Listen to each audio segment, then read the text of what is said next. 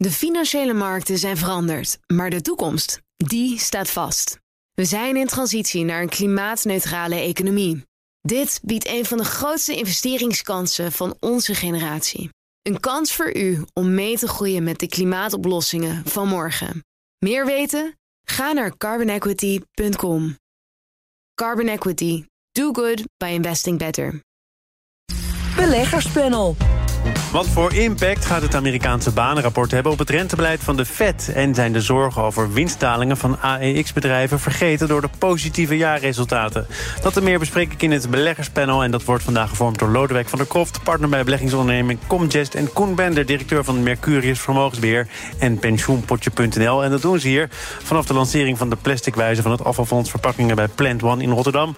Door alle poortjes heen gekomen. Welkom, goed dat jullie er zijn. Dankjewel. Met de traditionele eerste vraag naar jullie laatste transactie. Lodewijk, verblijdt ons?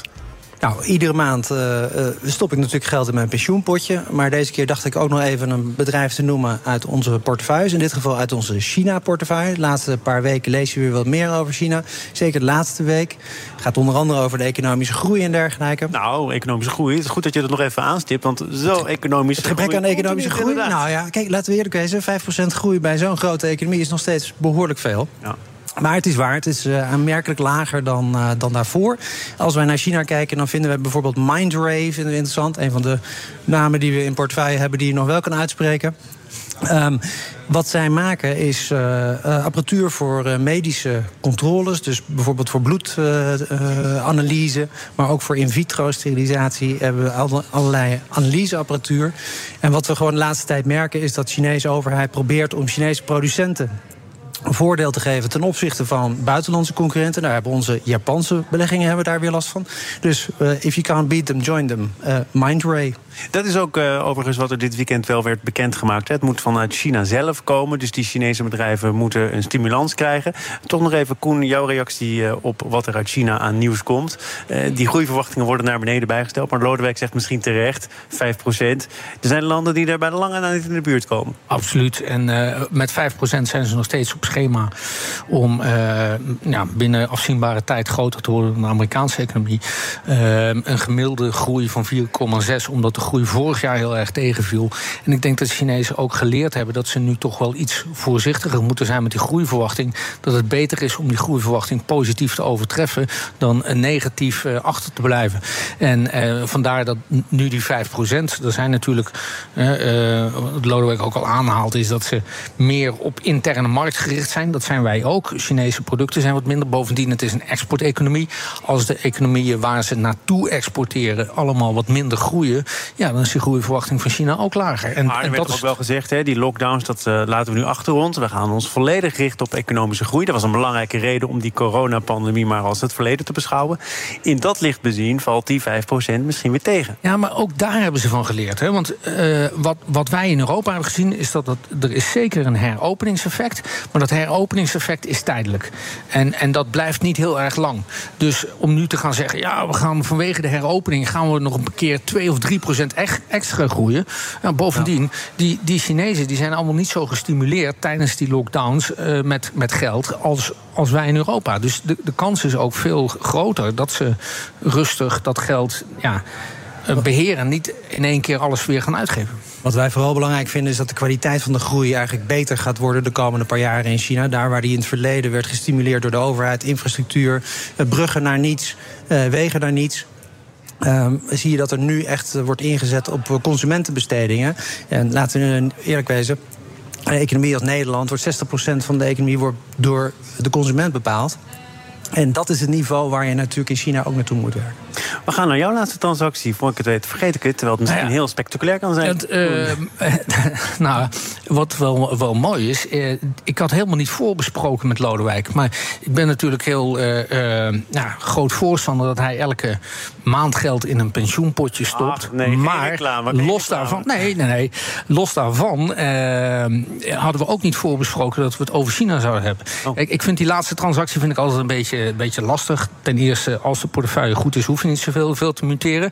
Maar wat je wel moet doen is herbalanceren. En dat doen we heel vaak. En dat leidde ertoe dat we na een hele goede januari maand in China die posities hebben afgeroomd. En nou, februari was een wat mindere maand. Dus onze laatste transactie behelst onder andere in het weer bijkopen van Chinese aandelen. En uh, ja, de, de aandelen die we daarvoor verkocht hebben, is wat meer uit het wereldwijde mandje. Dan nu naar de uh, vooralsnog eh, grootste economie ter wereld, de Verenigde Staten. De Fed-president Jerome Powell spreekt vandaag en morgen voor het Amerikaanse congres over het monetaire beleid. En de grote vraag is dan onder andere hoe het rentebeleid eruit gaat zien en wat de impact is van het banenrapport. Komt komende vrijdag. Uh, misschien, voordat hij gesproken heeft, we kennen ongeveer de opstelling van Jerome Powell. Laten we niet te snel stoppen met het verhogen van die rente. We zijn er nog niet. Kun je nog wat zeggen over wat hij uh, de vertegenwoordigers gaat vertellen, Koen? Nou, ehm, de, de verwachting, wat hij gaat vertellen, is inderdaad dat hij niet dat hij heel erg data-dependent zal zijn. En ten opzichte van de laatste keren dat hij gesproken heeft, hebben we uh, toch weer wat meer hardnekkigheid van inflatie gezien. Ehm, die hoog op zijn radar zal staan. En uh, de verwachting is dat hij daarover gaat spreken. Het effect dat we uh, zullen zien in de, in de financiële markten, ik denk dat dat geleidelijk aan aan het afnemen is. Omdat je ziet dat we de bedrijven die het hard geraakt waren, werden vorig jaar, toen die rente begon met stijgen, waren de, de, de technologiebedrijven. Die hebben inmiddels ook wel laten zien dat ze in staat zijn om uh, ofwel te saneren, waar we het net over hadden met, uh, met Meta, uh, Thomas, of te laten zien dat ze nieuwe innovaties hebben waar ook weer heel veel belovende groei uitkomt. Ja, zoals bijvoorbeeld bij Microsoft. Misschien, sorry Lodewijk, je wilde alvast wat zeggen, dat mag Nou ja. Ik denk eerlijk uh, dat, dat Powell veel feller uh, zal zijn dan de laatste keer dat hij sprak. Want de kritiek toen was dat hij, de persconferentie uh, na het persbericht was veel te dovish. En datzelfde speelde bij Lagarde.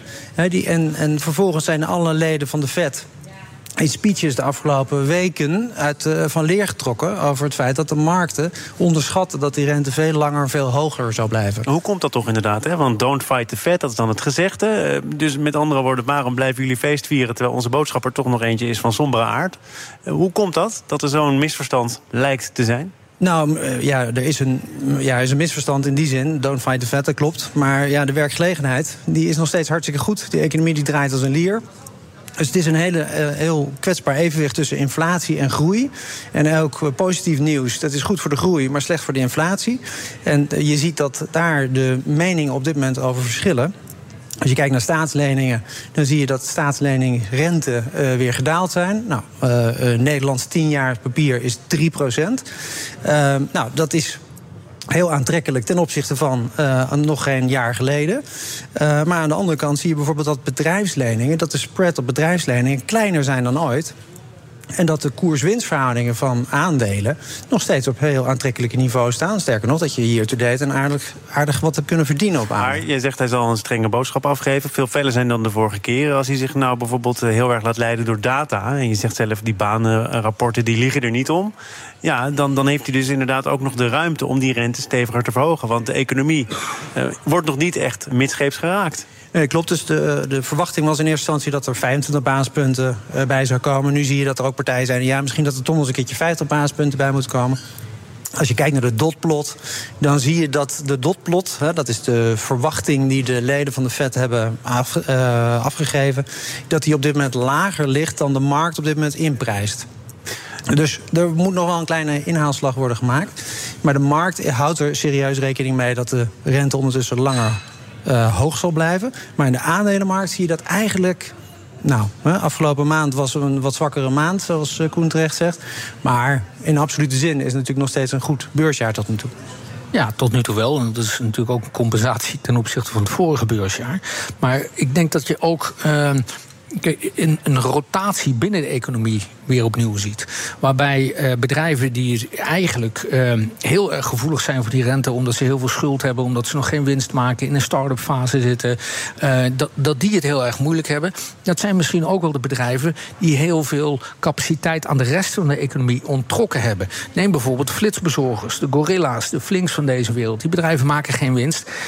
en op het moment dat die ontslagrondes gaan hebben. Die mensen die, die, die daar ontslagen worden, die gaan weer een, een, een, baan vinden in sectoren die heel moeilijk aan personeel konden komen. En daarom heel weinig omzet of achterbleven. Denk aan de horeca. Of denk aan het transport, waar gewoon heel moeilijk mensen te vinden waren. Als die sectoren straks wel weer personeel hebben, ja, dan krijg je dus nog steeds een hoge werkgelegenheid. Maar de banen zijn wel winstgevende banen. En de kwaliteit van de economie wordt daarmee heel veel beter. En ik denk dat beleggers dat ook verdisconteren en zeggen van ja, kijk naar een bedrijf als bijvoorbeeld een TKH, waar we het net over hadden, die wel gewoon. Uh, uh, kunnen profiteren van een aantal megatrends die er in de economie zijn. En dus winstgevend kunnen zijn. Als we van eh, Amerika naar Twente gaan, dan wordt het tijd om de AX-bedrijven maar eens onder de loep te nemen. Gaan we doen in het tweede deel van dit panel. BNR Nieuwsradio. Zaken doen. Thomas van Zeil. Het beleggerspanel is te gast. Lodewijk van der Kroft van Comgest en Koen Bender van Mercurius, Vermogensbeheer en Pensioenpotje.nl. De jaarresultaten van AEX-bedrijven hebben beleggers en analisten positief verrast. Dat is althans de algemene tendens. De gestegen kosten hadden minder impact op de bedrijfswinsten dan zij vooraf hadden gedacht. En toch lijken de zorgen voor winstdalingen niet meteen verdwenen. Eh, ben jij ook over het algemeen positief verrast? Ja, nou ja, over, over de hele linie zijn de cijfers eh, behoorlijk goed. En dat zorgde ervoor dat bedrijven die eh, over het algemeen hoog gewaardeerd waren, omdat ze groei konden laten zien door de cyclus heen, uh, afgewaardeerd werden vorig jaar. Want ja, als, als groei overal te vinden is, waarom zou je dan nog een premie betalen voor groeibedrijven? Dus value-bedrijven hebben met name vorig jaar goed gedaan. Ja, en die value-bedrijven, die waardebedrijven, dat zijn bedrijven als? Nou, cyclische bedrijven, dus denk in de financiële sector bijvoorbeeld, uh, nou, transport, industrie, uh, grondstoffen. Dat heeft het allemaal veel beter gedaan dan de traditionele technologiebedrijven, farmaciebedrijven en dergelijke. Uh, hoe lang kan dit zo voor blijven duren? Want uiteraard hebben heel veel bedrijven ook wel te maken met druk op de marge. Dingen worden duurder. Dan kunnen zij zeggen dat rekenen we voor een deel door. Maar daar zit een keer een grens aan natuurlijk. Ja, het lijkt erop dat consensusverwachtingen voor dit jaar aanmerkelijk minder enthousiast zijn dan de cijfers over het afgelopen jaar zijn geweest. Als je nou over de hele linie kijkt, dan verwachten analisten 0% winstgroei. 0% winstgroei. Ja, een 0% winstgroei. Ja, dat is interessant. En uh, voor de AX weet ik dat niet uh, zelf, maar bijvoorbeeld voor de MSCI Europe of voor uh, de Amerikaanse index ligt dat rond de 0%. en de, meestal is het zo dat dit soort taxaties eerder naar beneden toe worden bijgesteld gedurende een jaar dan omhoog. Dus het uitgangspositie is nul. Het, het, het ging dus nog goed, maar het hoogtepunt ligt wel achter ons. Koen. Nou ja, dat zou je op basis van deze analyse misschien denken. Maar ik denk dat daar ook een, een reshuffle in zit. dus dat er inderdaad sectoren zijn die heel erg geprofiteerd hebben vorig jaar. Maar die van een normalisering van een economie uh, ja, minder profiteren dan de bedrijven die heel erg uh, in, in de problemen hebben gezeten. Maar nu wel in staat zijn om die problemen te tackelen.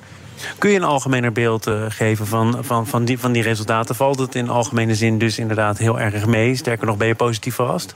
Nou ja, ik denk dat het tot nu toe redelijk is meegevallen. Het is niet, we zijn niet een klif afgegaan wat we misschien wel uh, vorig jaar hadden gedacht dat die winstgevendheid zou imploderen. En, uh, maar vallen we nu dan met vertraging alsnog van die klif af, of niet? Ja, dat vind ik heel erg moeilijk. Ook om, om, om aan te geven. Aan de ene kant zie je dat heel veel grondstofprijzen, energieprijzen alweer aan het dalen zijn. Dat is voor sommige sectoren is dat natuurlijk een ruggenwind. Personeelskosten zijn aan het stijgen. Uh, en, en dus moet je gaan zorgen dat je meer productiviteit krijgt dat is een wat langduriger proces. Als beleggers bereid zijn om door dat proces heen te kijken en aandelen vast te houden om te wachten om over een paar maanden of misschien een paar kwartalen die winstgevendheid te zien terugkeren, ja, dan, dan hoeft dat niet te betekenen dat die beurs een hele flinke stap terug Maar is die bereidheid er? Hè? Een bedrijf dat er eh, echt is uitgelicht in de zin van uh, veel investeren in mensen, in talent is Adyen hebben ze ook aangegeven. Dit was voor ons het moment om de, de war for talent aan te gaan. En we zijn bereid om daar diep voor in de buidel te tasten. En vervolgens zie je dat die koers naar beneden gaat. Ja, uh, voor full disclosure, we hebben een positie in Atjen. Uh, ik moet zeggen, we waren uh, verrast dat de, ja, de hoeveelheid mensen die ze aannamen... was hoger dan we voorspeld hadden. Ehm, ik moet eerlijk zeggen, ik vind het wel mooi wat ze hebben gedaan. Want uh, ja, ze trekken zich eigenlijk helemaal niets aan van dit soort uh, ja, beursanalyses en dergelijke. Zeggen ja, als wij de kans krijgen om goede mensen aan te trekken, dan laten we die kans niet aan ons voorbij gaan. Jij vindt het mooi, maar de. de, koers, de koers ging erop onderuit. Dus, ja. Mijn collega's, de portfolio managers, die vonden het wat minder mooi. Kijk, wat je zou kunnen zeggen is dat de communicatie over die aantallen, die hadden ze misschien wat beter kunnen begeleiden. Maar ik vind het wel mooi dat je in staat bent om contracyclisch te bewegen. Want laten we eerlijk weten, dat zegt toch iets over de kracht van zo'n onderneming. Nou, kijk je er ook zo naar? Nou, laat die analisten maar lullen. Ja, dat denk ik wel. Aan, kost geld, maar dat moet je er maar voor over hebben. Ja, en dit is typisch een bedrijf waarbij de, de, de oprichter nog steeds aan het roer staat. Die gewoon zegt: joh, het is allemaal leuk wat die beursanalisten ervan vinden. Maar we, gaan, we denken niet in kwartalen, maar we denken in periodes van vijf jaar. En wat ze in neem. Ik bedoel, Adyen staat 8% hoger dit jaar. Ja, ze hebben even op 1600 gestaan, staan nu op 1400. En als je vanaf dat punt kijkt, ja, dan hebben we stof om over te praten. Maar ik denk dat je gewoon moet kijken naar die lange cyclus. En dan, dan maakt een koersbeweging van 10, 15 procent omhoog of omlaag. Ja, dat gebeurt wel vaker bij dit soort bedrijven die sterke groeiers zijn. Hoe vaak is dat niet bij een bedrijf als Amazon gebeurd? Of, of, of, of een Tesla. Uiteindelijk ga je over de lange termijn kijken en niet over de hele korte. Nog even een uitstapje naar Salesforce. Want Koen, ik heb begrepen, jij wilde graag de loftrompet oversteken. Waarom? Oh, nou, dan uh, verras je me. Maar uh, ik wil de beste loftrompet oversteken. Maar je ziet dat heel veel bedrijven die dus inderdaad op zoek zijn naar verbetering van processen. en daarvoor uh, onder andere software en automation nodig hebben. uitkomen bij dit soort bedrijven als een Salesforce. Maar Salesforce je zelf stond natuurlijk onder druk. Hè? Er waren actieve aandeelhouders voor nodig om, om de prioriteit op orde te krijgen. Ja, maar je ziet dat ze dan uiteindelijk, uiteindelijk met de, de resultaten die ze vorige week bekend hebben gemaakt. Ja, meteen een explosie naar boven toe hebben van een procent of 15. Dus je ziet dat zodra uh, de puzzelstukjes wel weer enigszins op hun plek vallen, ja, dan, dan, dan zie je dat beleggers ook meteen weer terugkeren. Dat kan bij een Salesforce is dat al gebeurd. Dat zou bij een AGN ook zomaar kunnen gebeuren. Oprichters die nog steeds aan het roer staan van hun eigen bedrijf. Zo komen we bij Robert van der Wallen. Die heeft het bedrijf Brand Loyalty overgenomen, teruggekocht. Staat in een document dat in handen is van de SEC, de Amerikaanse beurswaakhond. Tien jaar geleden heeft Van der Wallen dat bedrijf verkocht aan, het, uh, aan de Nasdaq genoteerde Alliance Data Systems. Hij werd in één klap miljardair en nu koopt hij alle aandelen terug voor de lieve som van 6 miljoen dollar. En Brand Loyalty is bekend van de loyaliteitsprogramma's voor supermarkten. Is het een slimme zet om, uh, als je het niet eens bent met de koers van een bedrijf en je denkt het kan wel beter, de besturing laat de wensen over, om dan zelf maar weer de regie in handen te nemen, Lodewijk? Nou, als je daar als uh, ondernemer nog de energie voor hebt, dan uh, kan je dat zeker overwegen. Uh, ik denk dat uh, in dit geval deze ondernemer heel goed weet wat er speelt in die industrie. Hij was ook een concurrent, was hij ondertussen begonnen. Ja, uit onvrede eigenlijk. Hè? Dus hij, hij, hij zat niet zeg maar alleen maar op de golfbaan. Um, dus wat dat betreft denk ik dat hij een goede inschatting heeft kunnen maken of hij in staat zou zijn om het bedrijf weer naar zijn oude glorie terug te brengen. En ja, dan, dan lijkt me het een goed idee. Maar ja, er zijn natuurlijk ook genoeg voorbeelden geweest van bedrijven die op de hoofdprijs werden verkocht. En nou, dan moest je een strik omheen doen. Dan moest je nooit meer naartoe uh, omkijken als oprichter. En dit zou wel eens een hele goede uitzondering kunnen zijn. Wat denk jij? Jij kent die geschiedenis ook van bedrijven die weer zijn overgenomen. Ja, er zijn, er zijn er natuurlijk heel veel in het verleden geweest. Waar uh, de oprichter afscheid nam tegen een hele mooie som. Of er zelfs uitgewerkt werd. En om daarna weer terug te keren. Het meest iconische voorbeeld is, is, uh, is Steve, ja, ja, het kooltruitje, One More Thing. Uh, Steve Jobs die, terug, die eruit gewerkt werd bij Apple. En daarna terugkwam als de grote redder.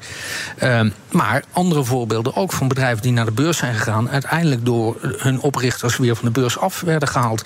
Kijk naar Michael Dell, die dat uh, uh, in het verleden gedaan heeft. Maar ook andere voorbeelden die er, die er zijn. Recentelijk natuurlijk ja, in Nederland Volker Wessels. Ehm, twee keer zelfs, een periode van 13 jaar, 1990 tot 2003 waren ze beursgenoteerd. Toen heeft de heer Wessels het van de beurs afgehaald om uh, daarna weer uh, later naar de beurs te brengen. Ik geloof dat dat voor Brand Loyalty ook weer... geldt. Ja, ook al een tweede keer. Uh, ja, nou ja en, en, dit soort voorbeelden, als je, als je daar langer naar gaat kijken, dan komt het best wel vaak voor. Ik kan me dat ook heel goed voorstellen, want als oprichter van een bedrijf het vervolgens groot te zien worden, het afscheid nemen is al eh, ja, natuurlijk, je krijgt er een zak met geld voor. Maar het blijft toch een beetje je, je, ja, je niet sprekende kindje.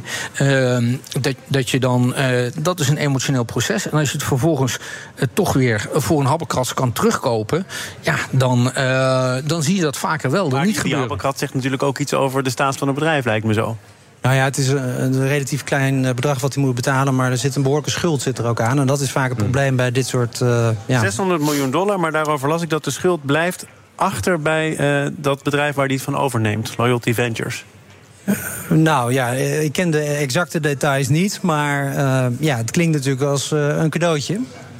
Maar ja, de kans dat de Amerikanen een cadeautje gaan geven is natuurlijk niet zo heel erg groot. Dus er zal ongetwijfeld nog wel wat achter zitten wat wij niet weten. Maar feit is dat deze meneer heel goed weet wat hij koopt. een goede inschatting heeft wat deze industrie gaat doen. In het Financieel Dagblad, waar erover werd gerapporteerd, werd Petroplus bijvoorbeeld ook aangehaald als een voorbeeld van een bedrijf dat mm. twee keer naar de beurs is gegaan. Marcel van Poeken, ja, die heeft olie door zijn aderen stromen. En die maakt gewoon gebruik van het feit dat de beurs af en toe bedrijven niet goed kan waarderen. En uh, nou, dat Volker, de familie Wessels deed dat ook uh, met Volker Wessels. Ja, en dat is een beetje het nadeel van de beurs af en toe. Dat er momenten zijn waarop er uh, ja, dislocatie is tussen prijsvorming en waarde van een onderneming. En, toch nog even voor de mensen die ook graag heel rijk willen worden. Want dat kun je wel zeggen, dat is Robert van der Wallen geworden. Heeft ook te maken met de zogeheten earn-out constructie. Dat een deel van de verkoopprijs wordt betaald en bepaald aan de hand van prestaties of verwachtingen die in de toekomst liggen. Uh, wanneer is het nou slim om dat af te spreken en wanneer niet? Um, nou, ik zou een earn-out uh, zelf, als, als ik zou verkopen, alleen afspreken op het moment dat ik nog enigszins eh, invloed kan houden op de resultaten. Dus op het moment dat het echt een harde verkoop is en je ook meteen uit de bestuurskamer verdwijnt, dan wil ik ook niet meer afgerekend worden op wat mijn opvolgers doen. Uh, terwijl als je, als je daar nog invloed op houdt en een, een goede zicht hebt dat je met deze transactie je groei verder kan versnellen, ja, dan is een earn-out heel interessant. Want dan, uh, dan, dan kan je door te delen uh, gaan vermenigvuldigen. Maar als je niet gaat uh, vermenigvuldigen, Thomas, dan hoef je ook niet te delen. Oh, een rekenlesje hoor dit. Koen Bender, pensioenpotje.nl, daar is hij bekend van. En nog weer bekender van Mercurius Vermogensbeheer. En Lodewijk van der Koft regelt zijn pensioenpotje op een andere manier. Maar hij is van Comgest. Dank voor jullie komst naar Rotterdam. En tot de volgende keer. Beleggerspanel wordt mede mogelijk gemaakt door Annexum. Al meer dan 20 jaar de aanbieder van vastgoedfondsen. De financiële markten zijn veranderd, maar de toekomst, die staat vast. We zijn in transitie naar een klimaatneutrale economie. Dit biedt een van de grootste investeringskansen van onze generatie. Een kans voor u om mee te groeien met de klimaatoplossingen van morgen. Meer weten? Ga naar carbonequity.com. Carbon Equity. Do good by investing better.